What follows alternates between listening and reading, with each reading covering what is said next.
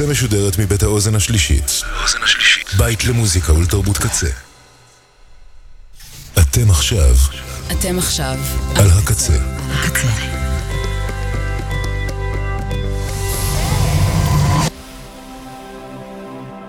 הקצה, הסאונד האלטרנטיבי של ישראל. הקצה. הקצה. קייזי רדיו. נקודה נט. Welcome. It's nice to have you here. I'm so glad you could come. This is going to be such an exciting day. I hope you enjoy it. Isn't it about time for somebody's favorite radio program? Radio, what the fuck? רדיו רהיט. סינמסקופ. סינמסקופ. עם יאיר רווה. So yeah, that's You the are voice. on the radio. That's the I- radio. this is the radio. That's a DJ. No, Hi but there.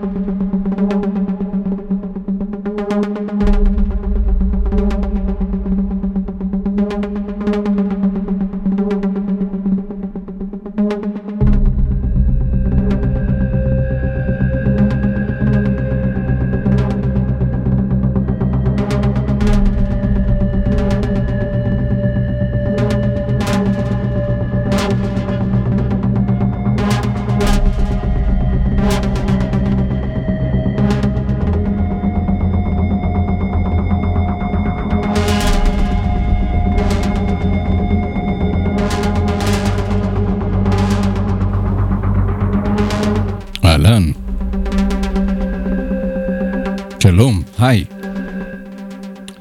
וואטסאפ. סימסקופ ברדיו הקצה. תוכנית מספר 302. היום 10 באוגוסט 2021, ב' אלול תשפ"א. אם במקרה אתם שומעים את השידור החי, אז השעה אחת עכשיו, לא שתיים. בדרך כלל אני בשתיים, היום אחת בשידור חי מבית האוזן השלישית.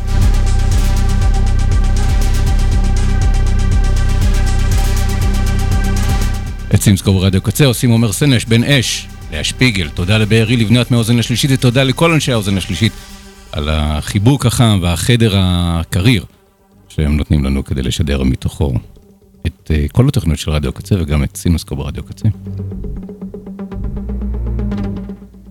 ותודה גם לסינמטק תל אביב, כי סינמסקו ברדיו קצה משודר בחסות סינמטק תל אביב. השבוע הקרוב הוא בסימן אנימיקס.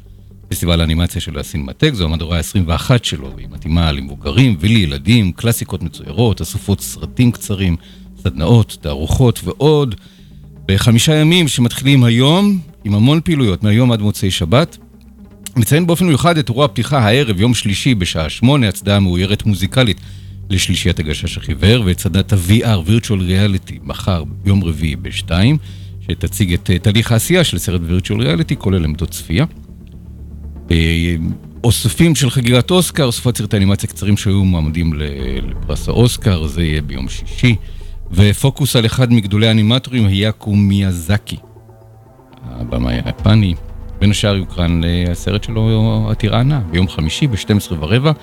אה, כן, מומלץ לילדים ולהורים. ובלי קשר לאנימיקס, בסינמטק תל אביב, אה, מוקרן עכשיו הסרט של נדב לפיד, הברך, ועליו אנחנו נדבר גם בהמשך התוכנית.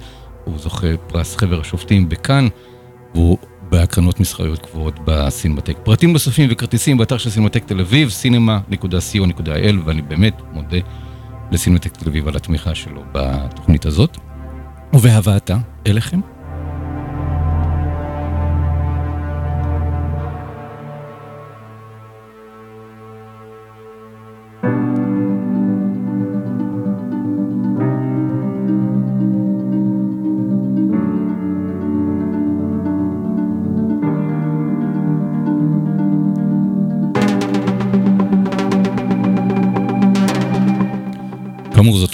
302. שבוע שעבר היה פה נבות פפושדו, לפני שבועיים הייתה פה תל אביב, היום אני לבד באולפן. אני אגיד לכם שבשבועות הקרובים יצאו המון סרטים ישראלים חדשים. שוב, בהנחה שלא יהיו סגרים חדשים וכל מיני אה, דברים נוספים שימנעו וידחו עוד פעם את ההפצה של הסרטים, ואני מאוד אשתדל להביא לפה את היוצרים של הסרטים האלה. אבל זו הזדמנות שלי בעצם להגיד לכם שלום, ברוכים הבאה למה שאני קורא העונה הרביעית של סינוסקופ ברדיו קצה, מספר 300 ואילך. לכבוד זה יש לנו אה, עוד פתיחה חדש, חסות חדשה, אולפן חדש. יש לנו גם עוד סיום חדש, תישארו עד סוף התוכנית לאות הסיום. ויש לנו המון סרטים לדבר עליהם, נשתדל לעשות את זה, אבל ממש בדרך לפה, קראתי באינטרנט אה, על מותו של ראובן שפירא, אה, מפיק מוזיקלי, איש מיקס, איש סאונד, שבשנות ה-80 פשוט, אני חושב, יצר את הדברים הכי נפלאים ששמעתי ברדיו הישראלי. הוא היה בן 64, הלך לעולמו אתמול או הלילה, ונזכרתי בדברים ש... בתור מי שמאוד אוהב הפקה מוזיקלית וסאונד, ומי האיש שחתום על הסאונד, ומי המקליט, ומי המיקסר, וזה בשנות ה-80 נורא העסיק אותי, עד כדי כך שהלכתי ללמוד סאונד, אני לא יודע אם יודעים את זה, הלכתי ללמוד סאונד, רציתי להיות מפיק מוזיקלי. אחרי הצבא הלכתי ללמוד סאונד במכללת הסאונד של בית הספר לסאונד של יואב גרא, ואחד המורים שם היה ראובן שפירא, שדיבר על העבודות שהוא עשה עם משינה ועם רמי קליינשטיין ועם...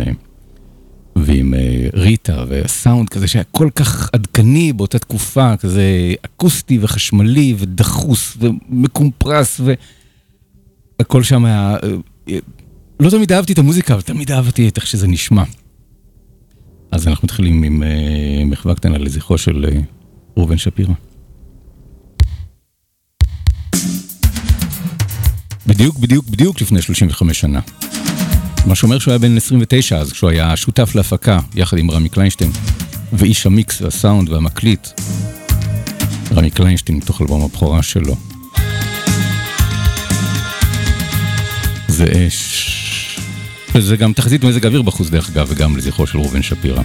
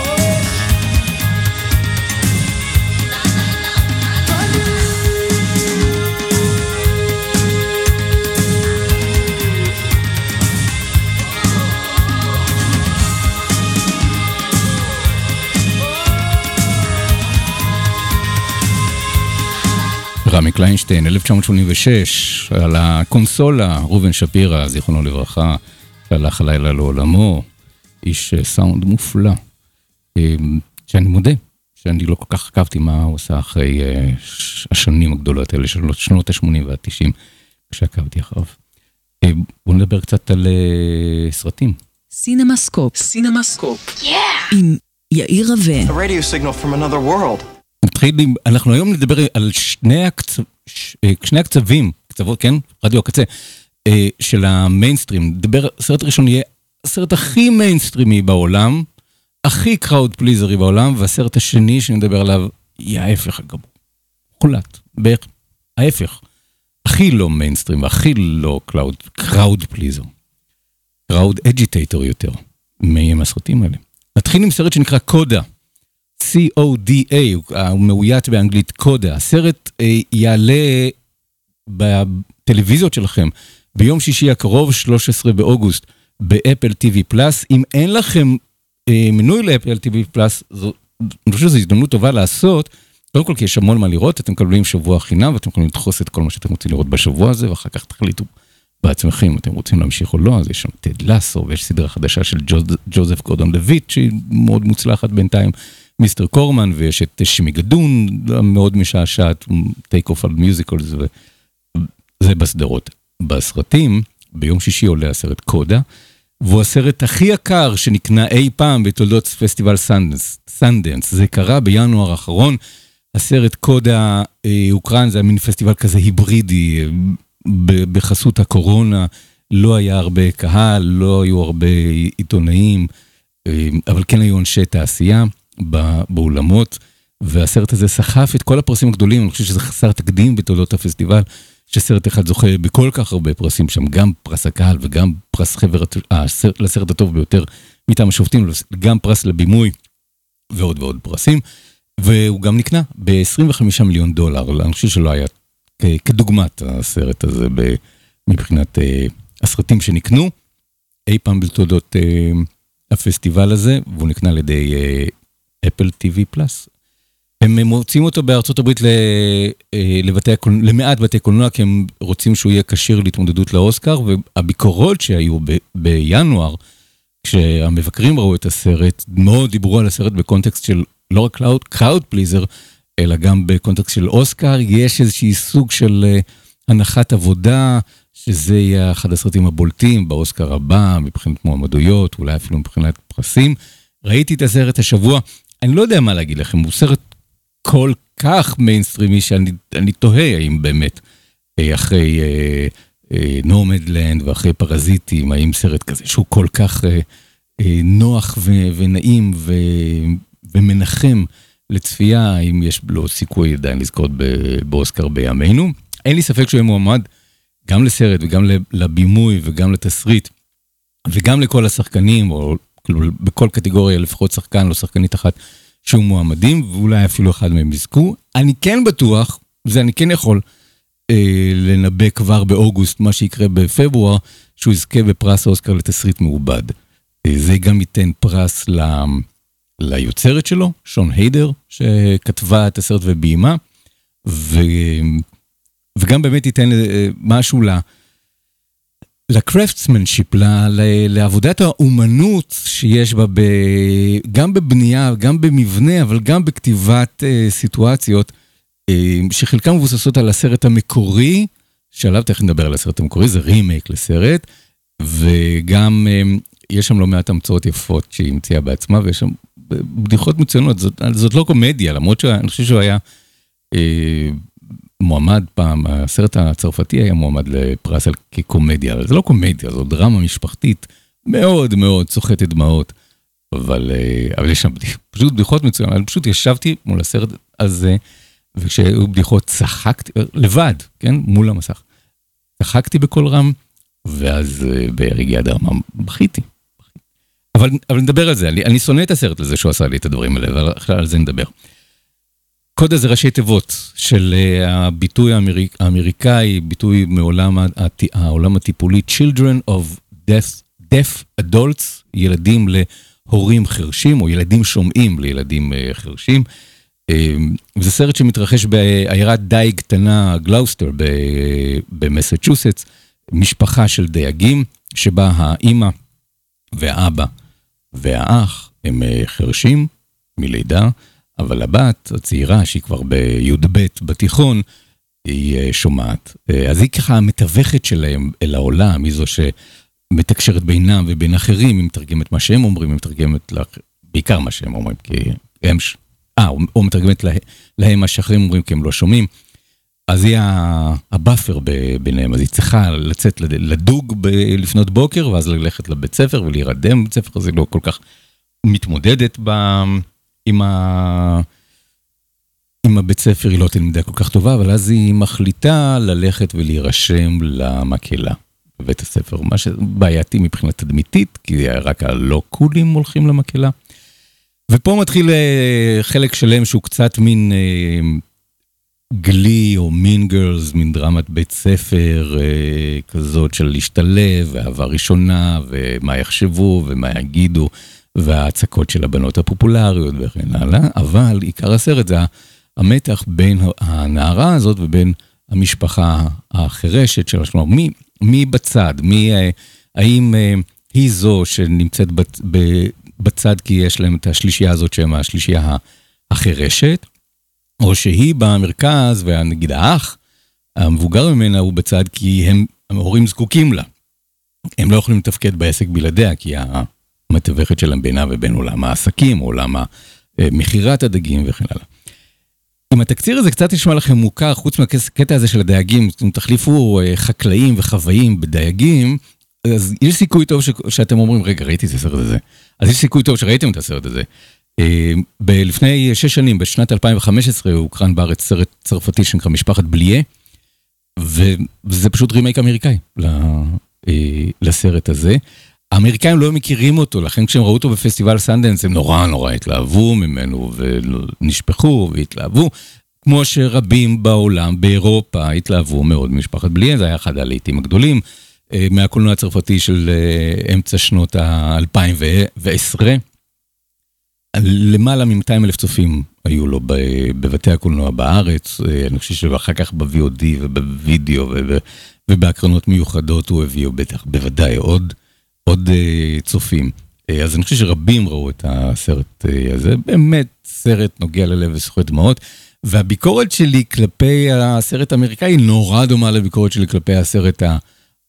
הצרפתי, אבל נתחיל מ, לא מהביקורת שלי, אלא מביקורת שמגיעה מכיוון אחר. אחת, אחת הטענות שהושמעו נגד הסרט הצרפתי, בעיקר מצד חרשים, זה ששחקנים שומעים, כן, שהם לא חרשים, גילמו את תפקיד החרשים. כן, זה כרגע חיים בעולם הזה שבו האותנטיות היא מעל הכל, ולכן אף אחד לא יכול לגלם משהו שהוא לא. זה המצב, והחרשים ראו בזה איזושהי בעיה.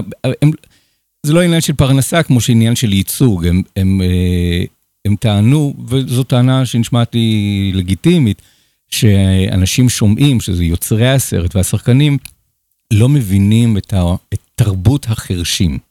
מסתבר שיש כזה דבר, אני נתקלתי במושג הזה, תרבות החרשים, שנה שעברה בסרט The Sound of Metal, גם של, של, של אמזון.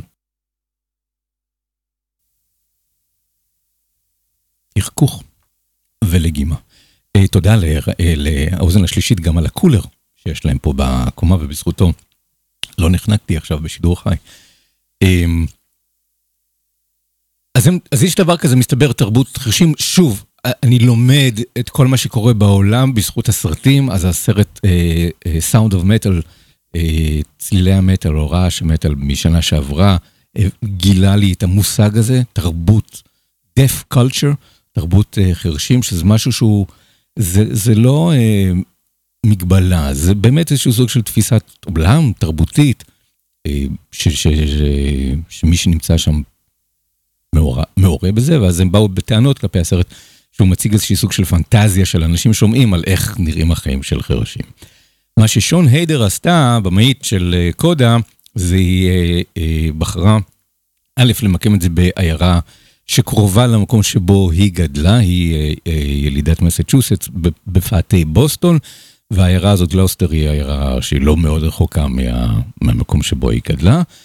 או שוב, אורח חיים אחר, אבל היא הכירה, היא טוענת שהיא מכירה את האנשים, את, את הסביבה, ו, ועברה לח, לחיות שם עם אנשים כזה, לחיות את, לחיות את uh, תחושת הדייגים, והיא uh, בחרה רק שחקנים חרשים לתפקיד החרשים. אף אחד לא מעמיד פני חירש.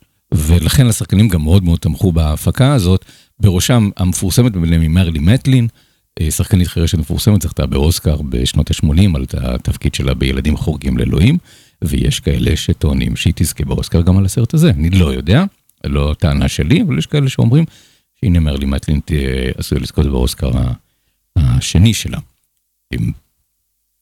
אז, אה, אז הסרט אמור להיות איזשהו תיקון, לא רק רימק לסרט הצרפתי, אלא תיקון לסרט הצרפתי מבחינת האופן שבו הוא, הוא מייצג אה, את, אה, את תרבות או העולמם של החרשים.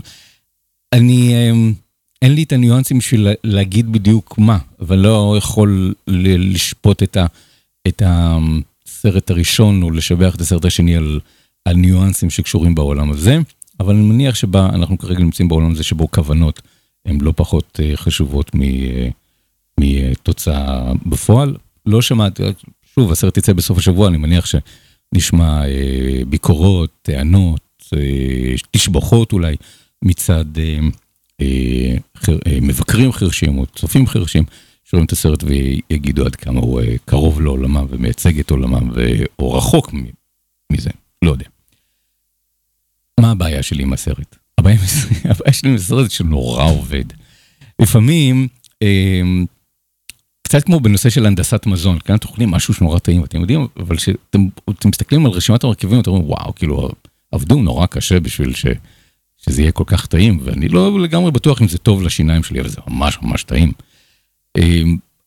קצת הסרט הזה, יש בו, גם בסרט המקורי וגם בסרט הזה, הם סרטים שהם אומנם סרטים עצמאיים, סרט שבא מצרפת, מאירופה, סרט זה שמגיע באמת הפקה עצמאית, בלי כוכבים, במימון עצמי, אה, שאחר כך רק נקנתה, אה, אבל עדיין עבודת הכתיבה והביום, בימוי, עבודת הבימוי, אה, יש בה משהו כל כך טכני ו- ומכני, שממש רואים איך זה עובד על פי ביטים עלילתיים, דרמטיים, מוסכמים מראש, איפה לגרום לנו לצחוק ואיפה הצחוק יוביל לבכי, איפה הוא יעצים את הבכי, איפה צריך איזשהו סוג של פורקן, איפה, שהוא, איפה צריך משהו שיהיה צעיר יותר, משהו, הכל נראה בנוי בצורה כל כך מדויקת ומושלמת, שמצד אחד אני באמת, אני, אני מעריץ את זה.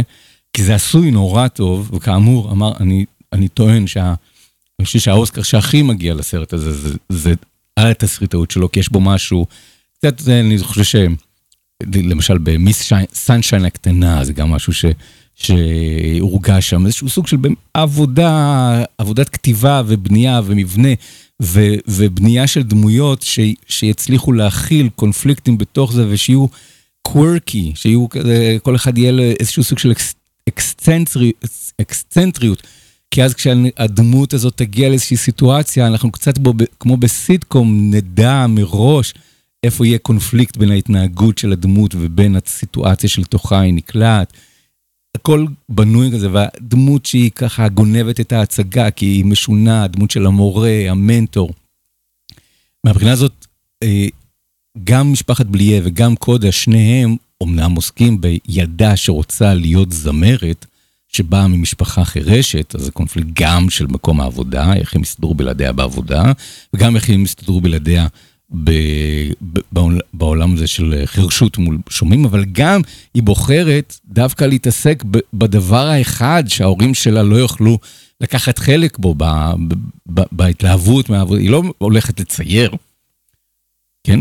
ציור, הם היו יכולים להתלהב מזה, אבל דווקא לשיר, זה כאילו, יש, יש משהו שמציק להם, בייחוד לאימא, מציק להם בעניין הזה, זה נראה בחירה מרדנית מדי בהם, כאילו איזשהו סוג של דווקא שהיא עושה להם, שהיא הולכת לשיר ב, ב, בתור בת לילדים אה, חרשים, אז זה גם איזושהי נקודה שמופיעה בסרט, וכל הרגעים האלה הם רגעים יפים אבל הם כולם מגיעים במקומות כל כך מאורגנים ומסודרים, אה, שהנטייה שלי היא קצת להתקומם נגד הדבר הזה. אני מרגיש שנעשות עליהם מניפולציות רגשיות אה, כל כך בוטות, שאני אומר, אני, אני לא רוצה, אני, אני לא רוצה להיות מופעל על ידיכם, אני לא רוצה להרגיש שלוחצים על, על control, alt delete במקלדת שלי, ואני עושה מה, ש, אה, מה שתוכנתתי לעשות, אבל אני לא יכול שלא לעמוד גם בחן של הסרט המקורי,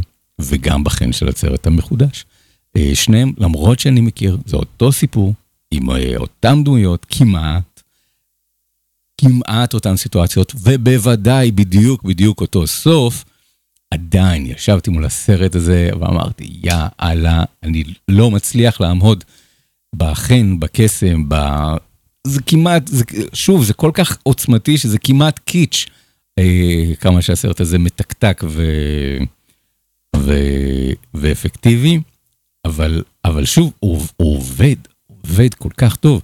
כאמור, עם זה התחלתי, צחקתי, בכיתי, אה, אה, מצאתי בסרט השראה, למדתי משהו, על, אה, גם על קהילת הדייגים במסצ'וסטס, וגם על קהילת החרשים, וגם על אה, תהליך הקבלה לברקלי בבוסטון. אמ, חייתי את הדמויות האלה, הכרתי אותם, אהבתי אותם, הרגשתי שהם בני אדם, רציתי בטובתם.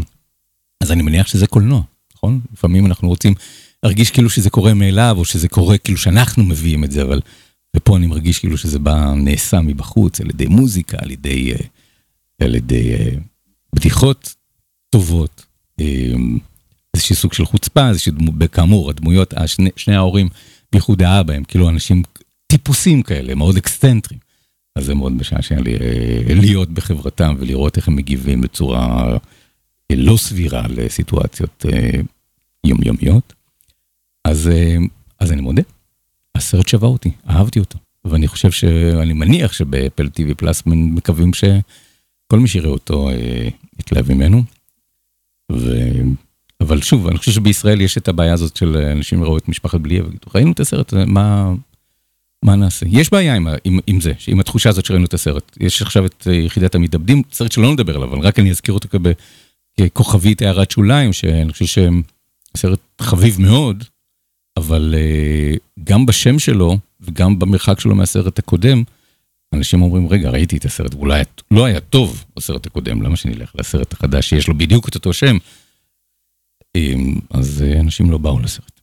אז, יש לי חשש, שבאמריקה אולי הוא יהפוך לתופעה, אבל בישראל אה, יכול להיות שרבים יגידו, ראינו את הסרט, הוא היה מקסים, אבל אנחנו לא צריכים אותו.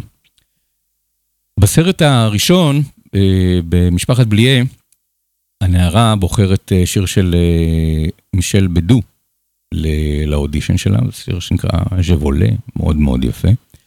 בסרט השני, היא בוחרת שיר של ג'וני מיטשל. וזה גם מאוד מאוד יפה. Both Sides Now מ-1969. Rows and flows of angel hair and ice cream castles in the air and feather canyons everywhere. I've looked at clouds that we but now they block the sun. They rain and snow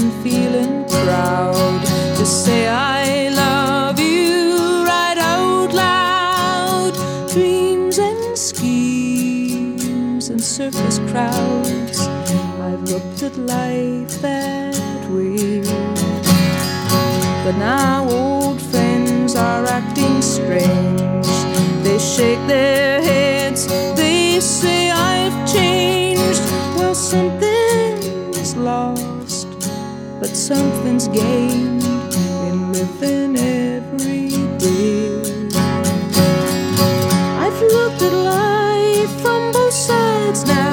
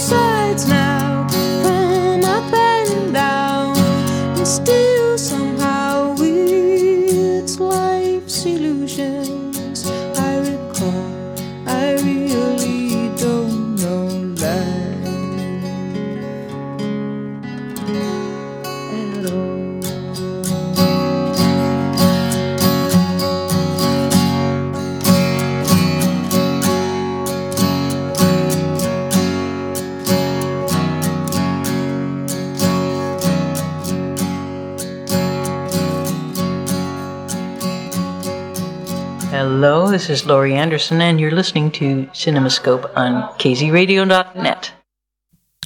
ג'וני מיטשל, ואחריה, לא ריי אנדרסון, ג'וני מיטשל מתוך um, הפסקול של קודה, מסוף השבוע באפל TV פלאס, אצלכם במחשב, בנייד, בטלפון, איפה שאתם רוצים, תשמעו עם אוזניות, כי יש הרבה מוזיקה בסרט, כאמור, כמובן, אה, סרט על מישהי שרוצה להיות זמרת, ואם אתם לא בוכים בסצנה הזאת של האודישן עם השיר הזה של ג'וני מיטשל, משהו בכם מקולקל.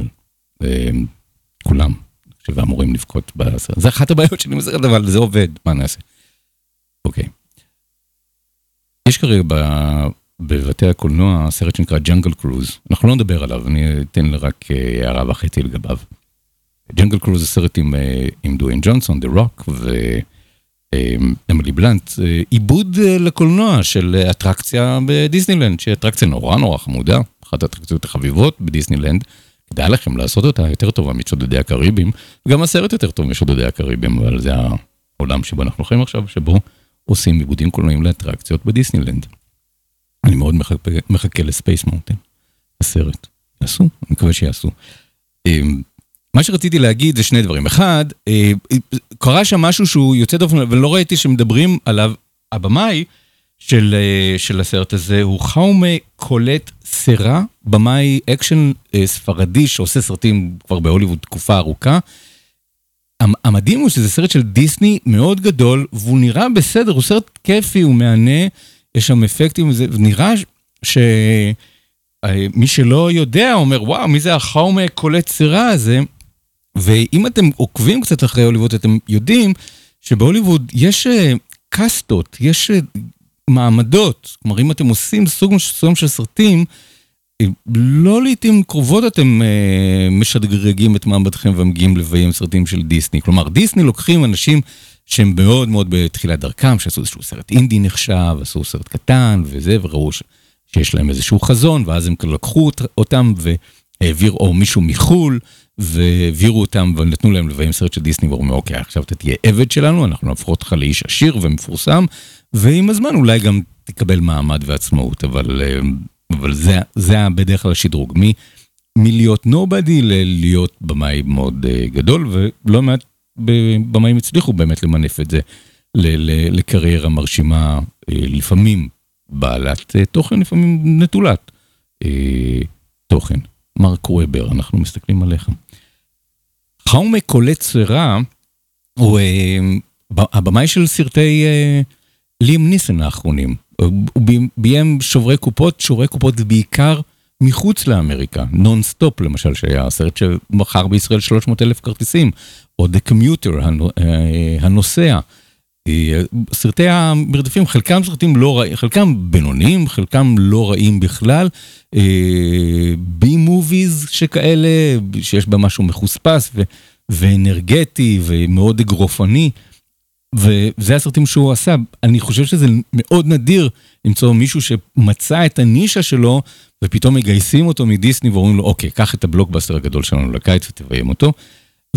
ואני, מודה, הוא עשה עבודה לא רעה בכלל. זה לא, שוב, לא סרט מדהים, בשום קונסטלציה, הוא סרט מאוד מבדר, אבל מאוד הופתעתי אה, לשים לב, אה, לגלות אה, אה, שהוא אה, עבר את זה, ועכשיו הוא מביים את, אה, את אה, דוויין ג'ונסון בבלק אדם. אז כלומר, הוא כבר נכנס, אני חושב, לעולם של מארוול, כבר בשלב הבא. אז זה משהו שאני לא, זה לא קורה הרבה. אני חושב שמישהו עובר את, ה, את, ה, את הקווים ככה, אז uh, כל הכבוד לך, חאומה קולט סירה, על זה שהצלחת לעשות את זה, ונשאלת השאלה עכשיו האם הוא יסכים לביים עוד סרטים של ליאם ניסן, או לחילופין, האם ליאם ניסן ישודרג בעצמו לסרטים של, אה, של מארוול.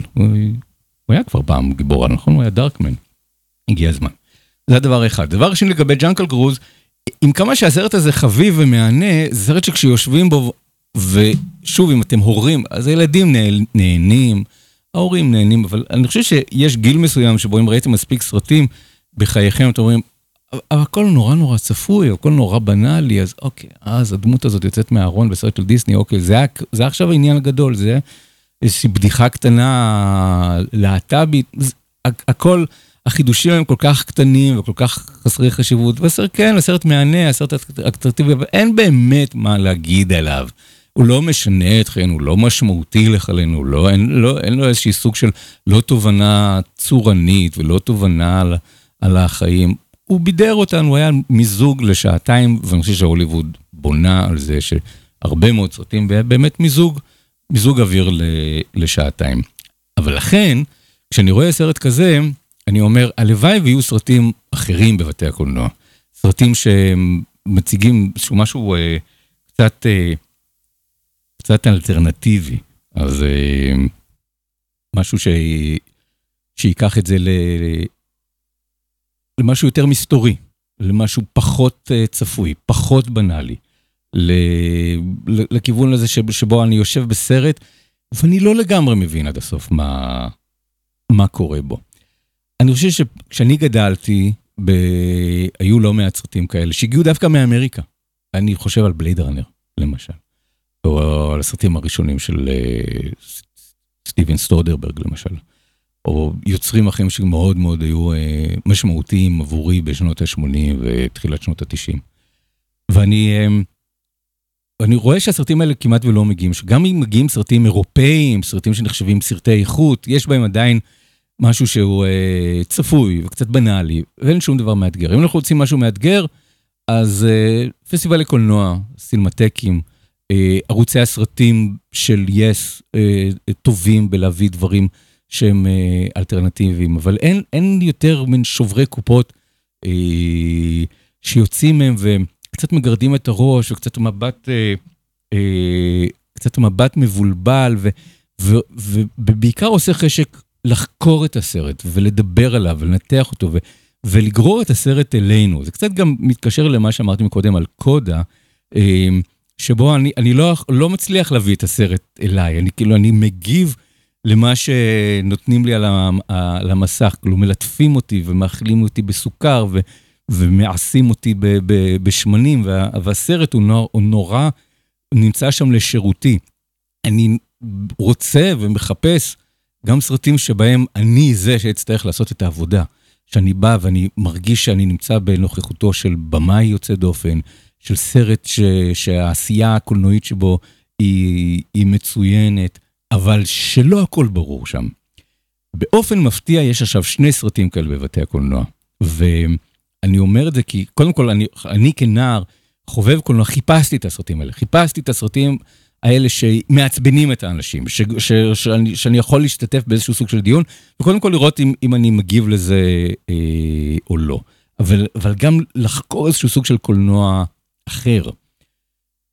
אז יש עכשיו שני סרטים כאלה, ולכן אני ממליץ, אם אתם רוצים לנסות משהו אה, אלטרנטיבי, תנסו אותם, כי זה נורא נדיר שהם מגיעים לבתי הקולנוע. בוודאי עכשיו, בימי פוסט קורונה, שאף אחד לא מהמר על... אה, על סרטים אלטרנטיביים. כולם מחפשים את הדבר הבטוח. הרעיון הזה של המפיצים בבתי הקולנוע עכשיו, אין כיסא, הם רוצים שכל הכיסאות יהיו מלאים. יביאו רק את שוברי הקופות, רק את הדברים שהכי מתאימים לכל המשפחה.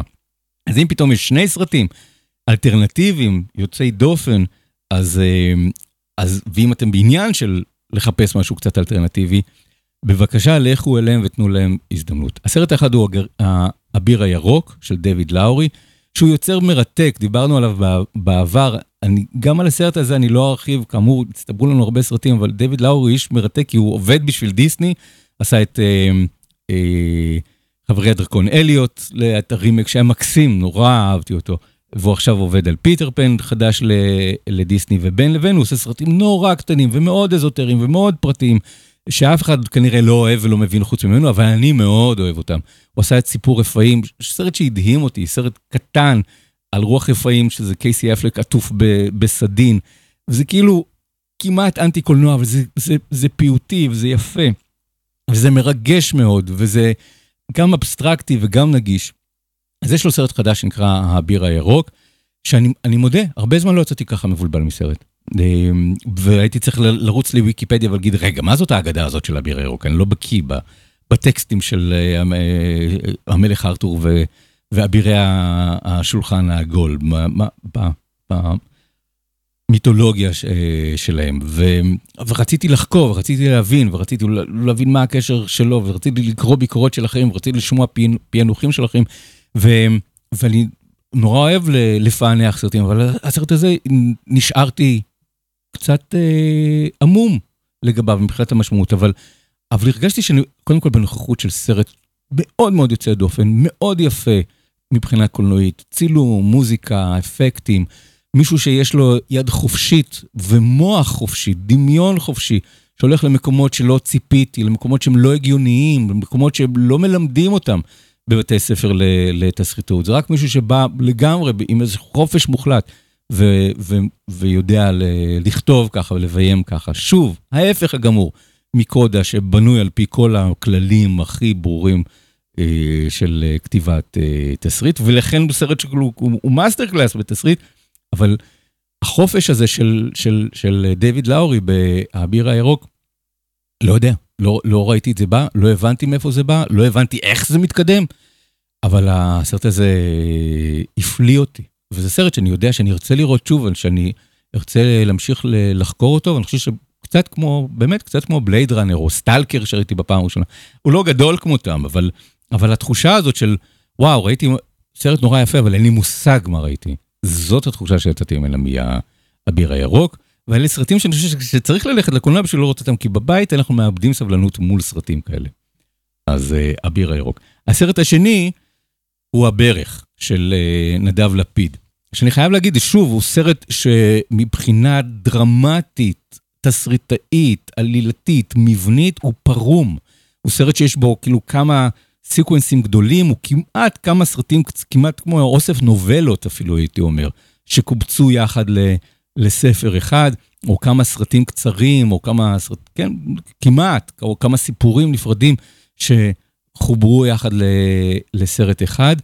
לא תמיד הבנתי את הקשר בין הדברים, לא תמיד סרט שנורא קשה להזדהות איתו, הדמות הראשית, הגיבור, במאי שקוראים לו יוד, שזה כבר חביב בעיניי, שלבמאי קוראים יוד, אמ, שהוא איש נורא מעצבן ונורא מתנשא ונורא רוצה בכוונה, אה, דואג לזה ש...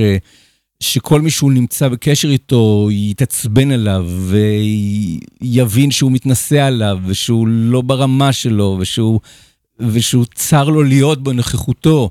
אה, במאי שלא נותנים לו לעשות את הסרט שהוא רוצה ובמאי שכשהוא עושה את הסרט שהוא רוצה ובא להציג אותו מול קהל מרגיש ניכור מול הקהל, הוא משוכנע שהקהל לא מבין את, ה, את, ה, את הסרטים שלו, ואני חושב שהוא גם דואג לזה שהקהל לא יבין את הסרטים שלו, כדי לשמור על העמדה הזאת. אז, אז, אז נדב לפיד, אני חושב שהוא קצת גם סובל מהסינדרום הזה, עושה סרט מאוד מודע לעצמו, עם גיבור שהוא קצת כמוהו, שהוא מודע לזה שהוא אה, מעצבן ומתנשא ומנוכר, ו...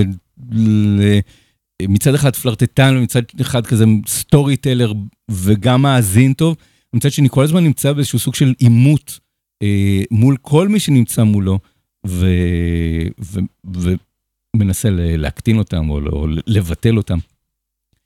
אבל הסרט, מבחינה קולנועית, הוא אחד הדברים הכי משוכללים שראיתי בקולנוע הישראלי, הוא כבר מסצנת הפתיחה שלו, שנראית כמו סרט שודים עם אופנוע ש... טס ב... בנתיבי איילון, בגשם.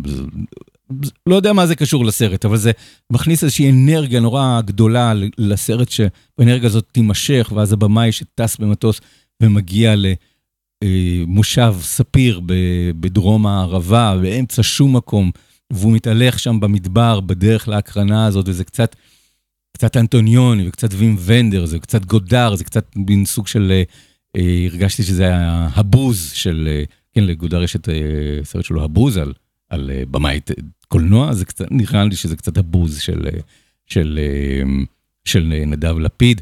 זה סרט על קולנוע ועל קהל ועל צנזורה ועל צנזורה עצמית, אבל בתוך כל זה, אני חושב שהרבה אנשים כשמדברים על הסרט, ואולי לפעמים גם אני, מדברים כל, על ה... מתמללים אותו, מדברים על הטקסט שלו, על מה לנדב לפיד יש להגיד על המצב בישראל ועל, ה, ועל הקהל בישראל ועל היחס של המדינה לת, לאומנות, והכל נכון, אבל אני חושב שיש שם טקסט מאוד מורכב, אה, שהוא נע כל הזמן בין החלק של האודיו לחלק של הוידאו, לחלק של החוזי, למה שאנחנו רואים, ואני חושב שיש ממש איזשהו סוג של קרב אגרוף בין המילים שאומר אה, הגיבור, ובין האופן שבו הבמאי מצלם את הגיבור, המצלמה מאוד חופשית, כאוטית של אה, שי גולדמן, עבודת צילום אה, מופלאה. חלק מהדברים, סתם באמת כתף כזה של המצלמה זזה הלוך ושוב, מפנה עורף לגיבור המדבר, מסתובבת סביבו, מקיפה אותו, עולה מעליו. כל כל תחבולה קולנועית אפשרית, אבל, אבל לא תמיד אנחנו מבינים איך זה קשור, איך זה, איך זה מתחבר ל, לטקסט, ולכן הסרט הזה, אני חושב שכל הזמן אומר דרשני, דרוש אותי, תפענח אותי, תפצח אותי. אני, רוצה להגיד לך משהו שהוא, שהוא לא uh, במישור אחד, זה לא רק תמונה, זה לא רק טקסט, זה איזשהו סוג של מפגש של תמונה וטקסט.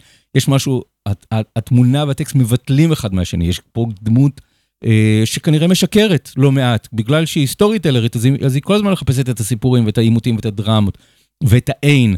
אז כל הזמן אם עוקבים אחרי הסרט, ראיתי אותו פעמיים, ועוקבים על זה, ורואים כזה שיש סתירות פנימיות ו, ורגעים שבהם אה, הבמאי חושב דבר אחד, או מרגיש דבר אחד ואומר דבר אחר. אה, אה, הוא לא נאמן לתחושה הפנימית שלו, ו... מייצג איזשהו סוג של דמות אה, שצריכה להיות כל הזמן מתנשאת, למרות שהוא אולי רומנטיקן יותר גדול, והוא דווקא אה, בתור במאי עושה אה, סרטים אוונגרדים ולא נגישים, אבל כ, כצרכן תרבות הוא אוהב דבר, דווקא את הדברים הפשוטים, הפופים, המלודיים, הסוחפים, שאפשר לזמזם אותם, שאפשר לרקוד אותם.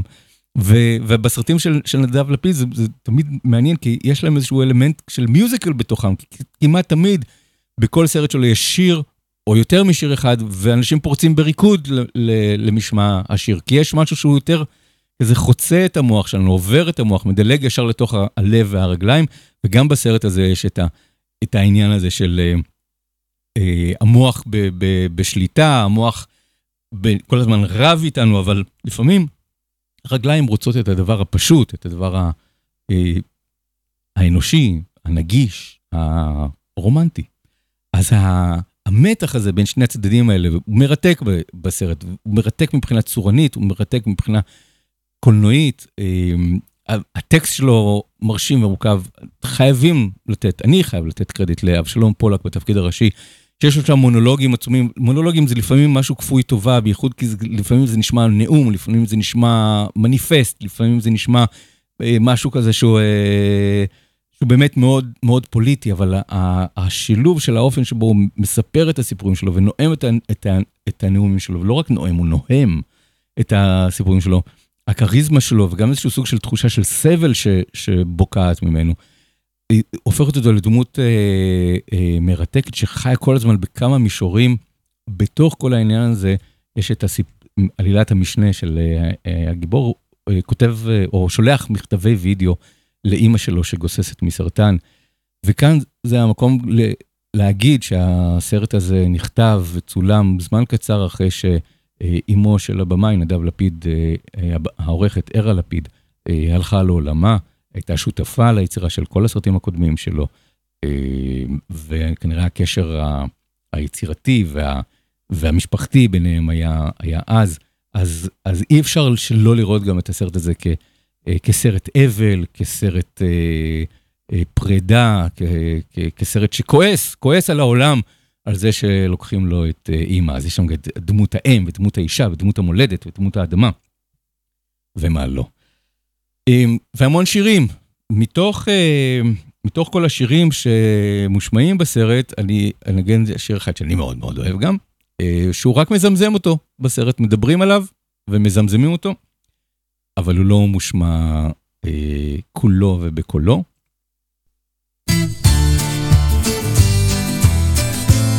דרך הכורכר, 1980, אריק סיני ומתי כספי, מתוך אה, הברך של נדב לפיד. אני חוזר בדרך הכורכר בפיתולי אותו מסלול מוכר ושוב נדמה שזה אותו צרצר שם מתחת שיח הצבא שני הברושים בשער הקדמי שומרים על סף הבית של אמי ועל עמוד בטון טבוע שמי. שרשמתי פעם בעצמי. וריח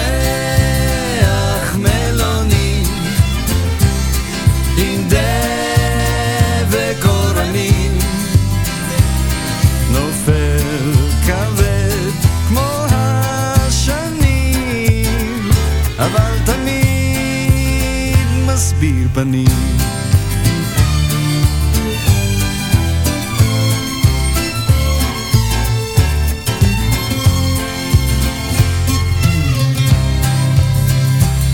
אני הולך בדרך הכורכר ומחפש את כל ילדי הכפר שורק פזמון מתוך שיר הקטר. אך לאיש זה לא מזכיר דבר באופניים שחצו שדות גלגל חסר כנפיים חלודות ועל העץ תלויות שתי נדנדות. רק ברוח הן מתנדנדות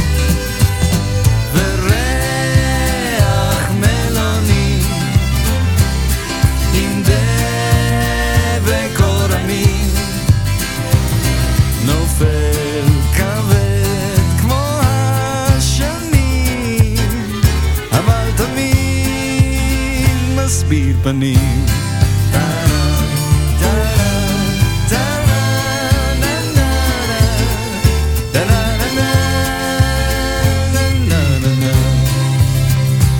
אני יוצא בדרך הכורכר, אני חושב על אפר ועפר, על מה עכשיו ומה שבעבר, ועל זה שכבר מחשיך וקר.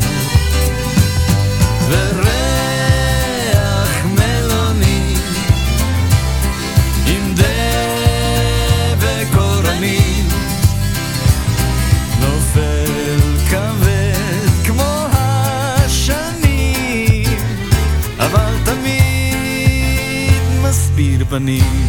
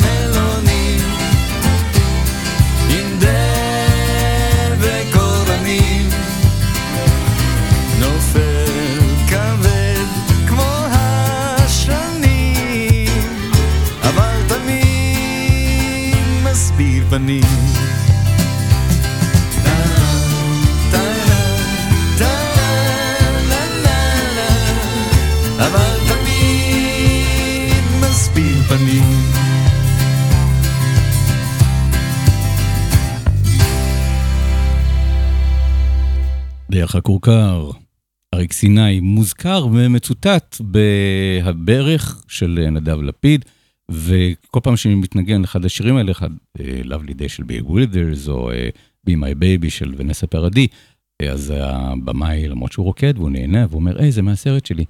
אה, אבל הוא גם אומר, זה ממש הוולגריות. כלומר, ברור שהוא נהנה מה, מהשירים האלה, אבל הוא גם צריך לתת להם את הדיוק שהם וולגריים.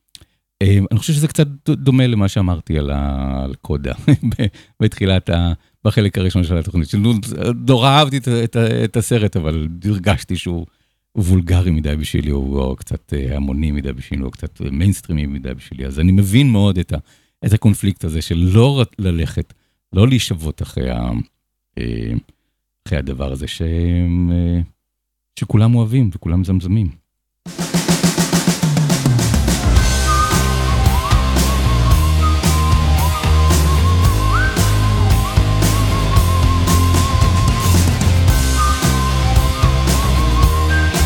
אם לא שמעתם את המפגש שלי עם אה, נבות פפושדו בשבוע שעבר, סיפרתי את הסיפור של הקטע הזה, שאני מקווה שאני אצליח לזכור בכל שבוע שתי דקות לפני סוף התוכנית אה, לסיים איתו.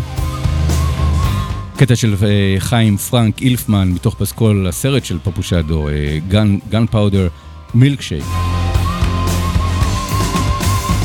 ופרנק בעצמו שלח, אה, שלח לי את הקטע כי חיפשתי, אה, ביקשתי מכם, אה, עוקביי בפייסבוק שייתנו לי רעיונות לאותות פתיחה וסיום לתוכנית בעונה הרביעית של ה-300, פרקים 300 ואילך, והוא שלח, רצה של, של את הפסקול הזה, וזה פשוט קטע כל כך יפה וכל כך מצחיק וכל כך אנרגטי וכל כך נכון בדיוק לשעה הזאת וכל כך מתאים ל...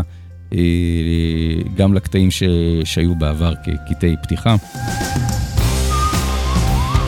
אז מיד אימצתי. ככה נזכור, שתי דקות לפני סוף כל תוכנית, שאנחנו מתקרבים לסוף התוכנית.